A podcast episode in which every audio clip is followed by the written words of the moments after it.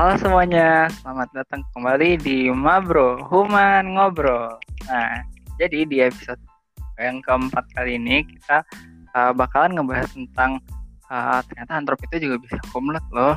Uh, nah, di sini aku Abrar dari Antropologi 2019 nggak uh, bakal sendiri nih ngobrol-ngobrol ya karena kalau ngobrol sendiri tuh kayak orang gila ya jadi jadi di sini aku udah ditemenin sama uh, Teh Putri ini Francisca, alumni Antropologi 2017. Halo Teh. Halo. Oke, nah jadi gini Teh, pertama ya, karena kita kuliahnya di Antrop, itu anak Antrop gitu ya, jadi nggak afdol kalau misalkan kita nggak cerita-cerita dulu tentang pengalaman kuliah di Antrop nih Teh. Kira-kira dari Teh Putri, pengalaman kuliah di Antrop waktu belum lulus tuh seperti apa sih? Asik. Pengalaman pengalaman kuliah di Antrop. Banyak sih. Dari awal wabah sampai lulus itu banyak banget pengalamannya. Yang pertama dari maba aku uh, apa ya di ini tuh bisa kenal teman-teman aku seangkatan luar dalamnya sifat-sifatnya. Itu bisa kenal dari ini terus uh, dari human juga aku kan uh, aktif juga kan di Human sebagai yeah. dari Human juga aku dapet uh, pengalaman dan relasi yang banyak dari Human uh, ke alumni ke luar kayak gitu. Dan alumni alumni antrop pun banyak yang lebih hebat lagi yang nggak aku perkirakan ternyata oh antropologi banyak nih alumninya yang sukses-sukses ya. Terus di uh, apa ya di PKL di PKL aku dapat pengalaman ter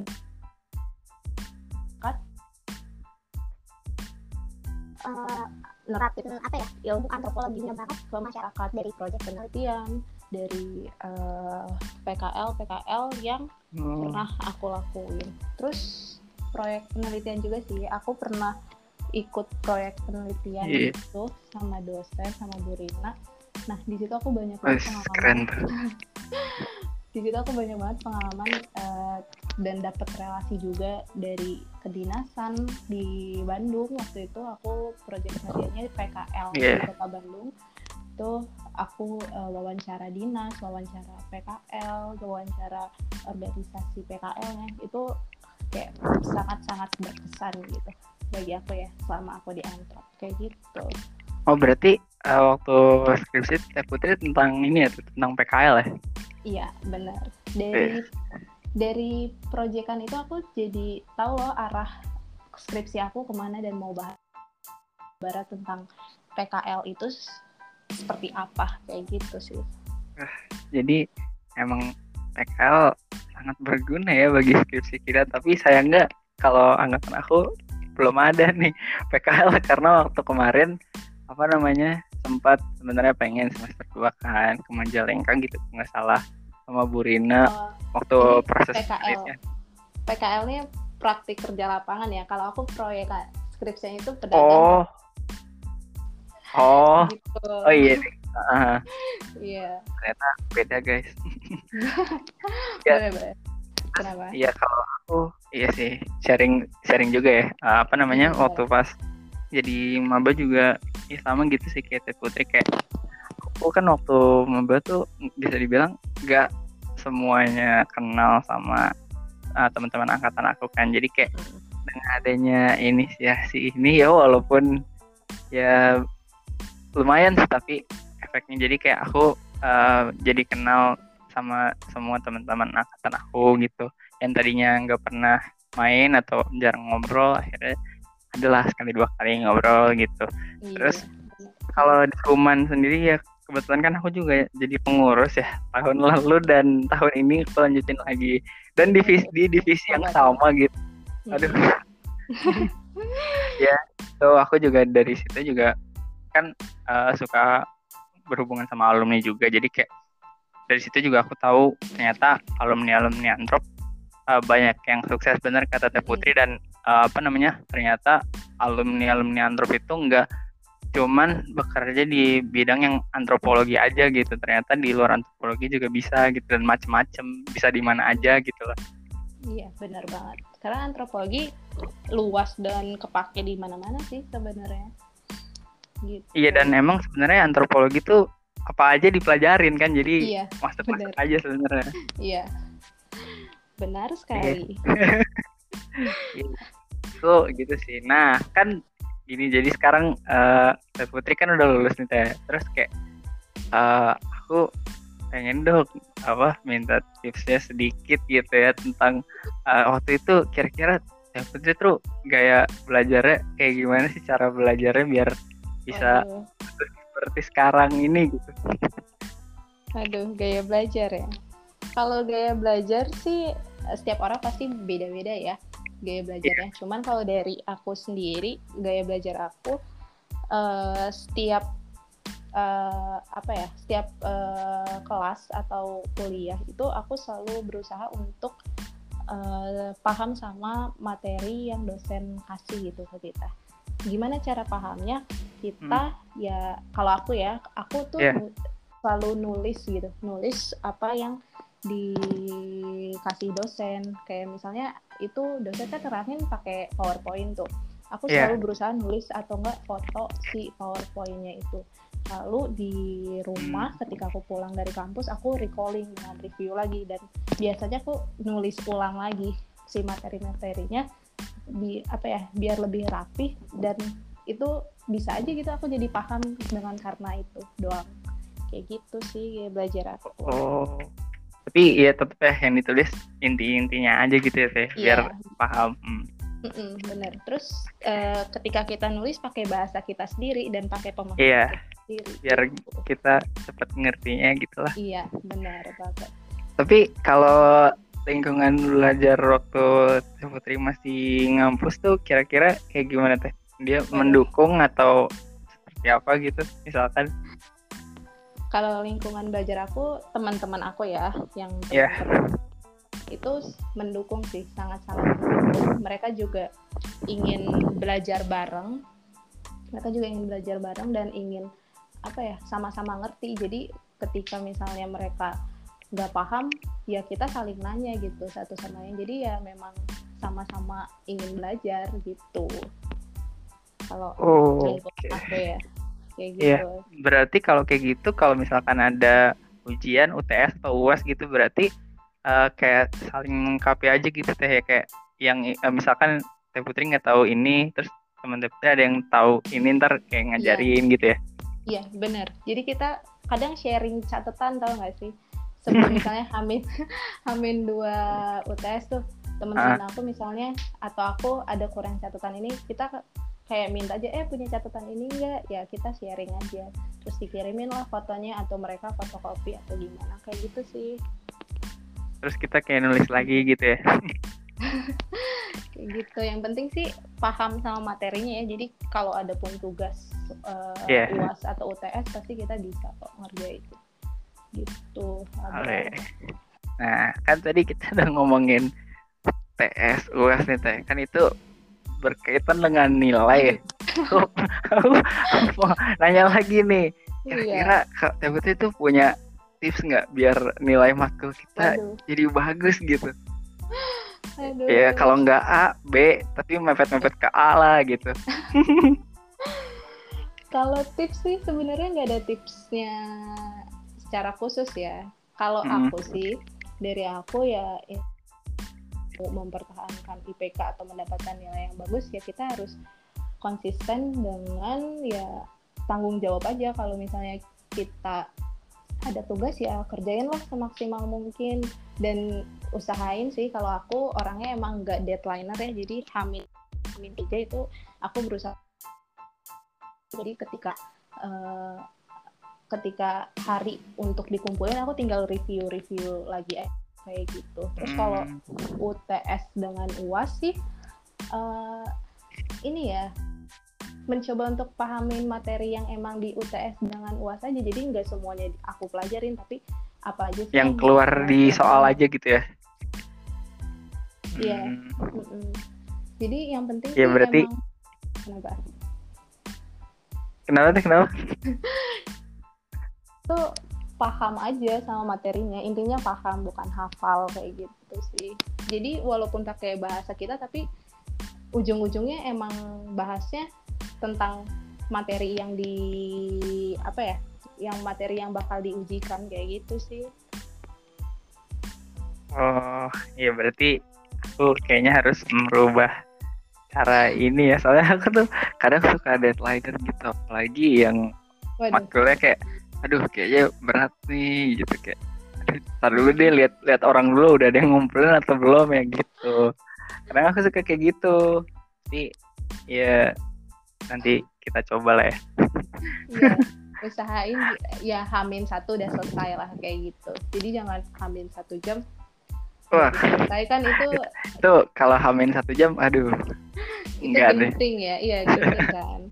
Nah, biar kita bisa review-review lagi juga tugas-tugas yang misalnya tugasnya kan kadang berpengaruh ya sama nilai. Jadi ya yeah. emang harus semaksimal mungkin kayak gitu. Dan nanti nilai uh, tugas sama nilai UTS kayak digabung gitu terus nanti jadi nilai akhir gitu kan teh? Mm -hmm, iya. Kayak ada persenannya gitu, kayak gitulah. Nah, kira terus aku mau nanya lagi nih teh. Uh, kalau boleh tahu ya waktu itu terakhir pas lulus IPK Teh Putri Waduh. berapa teh? Aduh. Aduh basi aku waktu lulus nggak gede-gede amat sih 379 3,79 doang. Tapi lumayan ya. Wah kalau menurut aku itu gede sih kayak wow oke. Okay. masih banyak kok yang apa ya jurusan lain yang lebih gede dan angkatan lain yang lebih besar dari aku gitu. Hmm, Oke, okay. berarti kalau uh, tips-tips uh, nilai matkul semester buat bisa komlet yang kayak tadi ya teh yang tadi Putri udah bilangin gitu. Iya, hmm. Ya, intinya review, paham, uh -uh. dan konsisten aja dan tanggung jawab sama kita tuh mahasiswa ya kita uh, harus kelar nih kuliah belajarnya benar-benar. Tapi jangan lupa juga kita imbangin dengan kehidupan sosial kita ya. Nggak mungkin kita belajar mulu kan? Iyalah. Tuh jadi sekali kong sesekali kongko main gitu nongkrong. Iya ntar pas udah di nongkrong di mana gitu sama temen bahas tugas tuh gak gitu ntar gitu ribet, ribet lagi. Pusing kayak yang ada. jangan dong kalau kalau nongkrong nongkrong aja. Kalau tugas nanti itu bisa lah. Gitu sih. Okay. dan ini sih uh, apa, apa? ya? Uh, atur waktu aja sih. Ketika kita misalnya uh, ingin main berarti kita harus tahu konsekuensinya kan. Mm -hmm. kita main dulu udah main ya kita harus belajar. Kayak gitu sih. Kalau aku yeah atau enggak kita kerjain tugas dulu kalau udah selesai baru ya, main. baru main kayak gitu.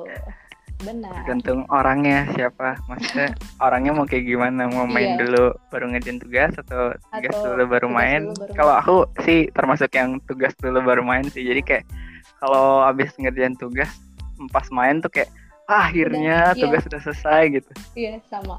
Kayak lepas aja kan jadi kayak uh -uh. udah nih gue udah ngerjain tugas udah ayo kita main sekolah Iya terus ntar pas udah main tiba-tiba nggak inget kalau besok udah Senin. iya. Aduh.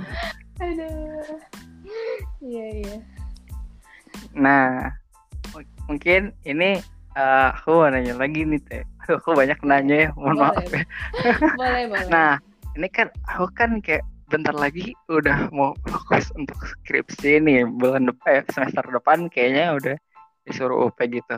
Nah, mm-hmm. kira-kira ya Putri ada ini nggak ada tips buat kita kayak bisa dibilang cepet lah gitu nyelesain skripsinya mau itu kayak uh, semangat atau oh. motivasi tentang skripsinya atau pas ngadepin dospem atau Aduh. ngadepin yang uh, kita misalkan kesulitan nih dengan, uh, dengan skripsi kita kayak terus cara mengatasinya gimana kayak gitu hmm. bebas sih Aduh, kalau tips skripsi sih ya, misalnya hmm. uh, eh, UP nih dari awal kita nyusun usulan penelitian buat sempro, de aku sih nyusunnya dari semester 5 ya. Emang di hmm. kuliahnya kan. Itu di lapangan. oh kalau aku studi lapangan sekarang hmm? ya kita harus udah di kalau aku eh, sekarang studi lapangan namanya studi lapangan oh tahun sekarang cepet ya? Studi kalau aku mm -hmm. sekarang kajian, kajian mandiri udah nggak di ini lagi. Udah kayak dihapus gitu terus diganti sama studi lapangan. Jadi makanya oh, makanya studi lapangan aku nanti nih uh, uasnya disuruh bikin draft UP gitu kan kata Burina oh iya. Sistemnya sih masih sama cuman ini aja kali ya namanya. Kalau mm -hmm. si kajian mandiri kan itu uh, goals yeah. akhirnya itu kita harus seminar usulan penelitian kan UP nah dari awal semester 5 itu aku udah kayak uh, cari topik yang emang relate sama uh, topik skripsi aku pedagang kaki lima. Udah mulai cari jurnalnya terus mulai atau gimana? Terus uh, apa ya? Uh, uh, pahami pedagang kaki limanya dengan uh, mulai uh, nyusun de pendahuluan kayak gitu kan nah yeah. sih uh, apa ya kalau aku sih nah emang uh, kebetulan ikut proyekan juga dari Burina yang penelitian tentang pedagang kaki lima uh, hmm. jadi aku bisa lebih paham gitu tentang PKL nah dari situ di uh, nyusun skripsi dan goalsnya emang tercapai sih semester 5 aku UP terus semester 6 hmm. itu aku mulai semester 6 sampai semester 7 semester 7 akhir itu aku nyusun skripsi nah itu hmm. waktu itu sempat terkendala sama uh, yeah. nah seharusnya aku tuh pakai metode langsung kan langsung wawancara interview karena pandemi yeah. gak nggak apa nggak bisa kan terhalang. Nah hmm. aku ubahlah karena penawaran juga dari prodi uh, untuk mengubah metode jadi studi literatur aku ambillah itu kesempatan. Nah dari semester 6 di tengah-tengah semester 6 tuh September aku ganti dan itu rombak dari awal. Tuh kayak udah nggak kepake sih se aku gitu kan karena aku rombak oh. dari awal ya yeah. uh rombak dari awal skripsi aku untuk uh, jadi pakai studi literatur. Jadi dari September sampai aku lulus Februari itu aku nyusun dari pendapat hasil penelitian, kesimpulan sampai uh, daftar pustaka sampai akhir awal di September. Nah untuk itu buat time blocking ya kayak yeah. dari dari penyusunan skripsi uh, misalnya aku nyusun pendahuluan itu dua minggu kemudian seminggu ke seminggu kemudiannya aku bimbingan terus uh, udah hmm. bimbingan aku uh, dapat feedback kan nah di situ aku review yeah. aku menunggu dapat feedback aku sambil uh, nulis di sambil nulis hasil penelitian aku kayak gitu. Jadi ketika udah dapet feedback aku ngumpulin lagi ke pembimbing aku tuh udah ada uh, apa ya udah ada progresnya lagi. Udah revisi dengan ada uh, bab selanjutnya kayak gitu sih. Sebenarnya lebih ke kalau aku sih emang uh, hmm. harus ada jadwalnya. Jadi aku oh, ini, uh, minggu ini ini nih terus uh, minggu ini uh, bimbingan terjadwal. gitu. iya kayak gitu. Kalau aku sih orangnya terjadwal jadi emang uh, bikin jadwal sendiri kayak gitu. Dan konsisten konsisten aja sih ngerjainnya kalau kita hmm. mau cepat lulus gitu. Iya sih kayaknya itu juga bakal jadi salah satu uh, apa penunjang buat kita uh, jadi cepat gitu lulusnya. Iya. Kayaknya ya nggak tahu. Sepertinya bisa sih. Terus ini teh apa namanya? Waktu ngadepin dospem uh, pas skripsi itu Teh Putri gimana? Ngadepinnya maksudnya susah nggak atau gimana gitu? Kalau dospem aku sih uh, ini ya sangat-sangat uh, ngemok dan kooperatif juga sih. Jadi setiap aku dari tulisan aku aku minta bimbingan uh, pembimbing aku langsung oke okay, lusa kita bimbingan ya. Jadi ya emang cepet gitu progresnya. Ya pujiannya gitu ya dapat hmm. yang emang cepet progresnya. Dan kalau ada uh, langsung jelasin gitu loh kayak ini uh, oh langsung di eval gitu ya iya kayak gitu di zoom meeting tuh uh, yeah. aku share screen terus kayak udah nandain kamu kurangnya ini terus kamu tambahin ini ya kayak gitu sih jadi emang bener-bener ngemong banget dan menunjang untuk ini ya apa sih uh, progres skripsi aku juga lumayan cepet lah kayak gitu. oh iya waktu itu ini ya tempatnya sama Bu Rina ya iya sama Bu Rina iya. Oh, aku aku juga udah ini sih sekarang udah dibagiin gitu dospemnya berdasarkan iya. topik yang topik. mau diiniin kan. Aku dapetnya pabeg pabeg oh. aku tentang pariwisata tentang itu. Oh. oke waktu itu aku nulisnya ini sirkuit Mandalika sebagai salah satu destinasi wisata kota Lombok asik. Oh, jadi nanti kayak aku ke Lombok gitu. Ini nggak tahu sih kapannya. Iya uh, sirkuit Mandalika iya sih. Sekarang lagi kebetulan aku juga kerja mm -hmm. uh, ada kerjasama dengan sirkuit Mandalika. Emang sekarang lagi gembor gem lagi gembor gembornya untuk kayak uh, ningkatin apa ya pemberitaan buat sirkuit Mandalika. Kalau ini tuh sebagai destin destinasi wisata Indonesia yang emang potensial kayak gitu kan? Iya gitu. itu itu itu aku kayak gitu sih mikirnya. Kayak ya kan bentar lagi udah mau apa namanya udah mau rampung kalau nggak salah terakhir aku lihat Iya, uh, artikelnya tuh. Terus kayak wah kayaknya nih boleh nih gitu. Nah. Terus aku akhirnya ambil antroparwisata kan di semester ini gitu. Terus ya udah. Banyak sih. Aku ada sih artikel-artikelnya kalau nanti kamu butuh boleh. Eh, boleh tuh ntar bisa teh. Iya. boleh boleh. Oke, gitu. uh, terus mungkin ini yang terakhir ya teh kayaknya ya. Uh, iya, boleh. Ini tuh biasanya ada orang yang lagi menghadapi skripsi gitu. Tapi dia kayak kesulitan gitu. Entah itu dia bingung atau dia kayak uh, linglung gitu tentang skripsinya ini tuh mau gimana atau kayaknya udah deh ada nggak ada yang kurang atau dia tuh bingung kayak bingung gitu. Nah itu menurut Putri cara ngatasin hal kayak gitu gimana? Bingungnya kalau misalnya kita bingung sama skripsi kita kita harus apa ya berarti kita masih belum terlalu mendalami atau kurang paham sama topik kita dong. Nah, caranya kalau menurut aku ya, mm -hmm. ya kita uh, baca-baca tuh kayak penelitian-penelitian sebelumnya yang uh, mepet-mepet atau dekat apa ya?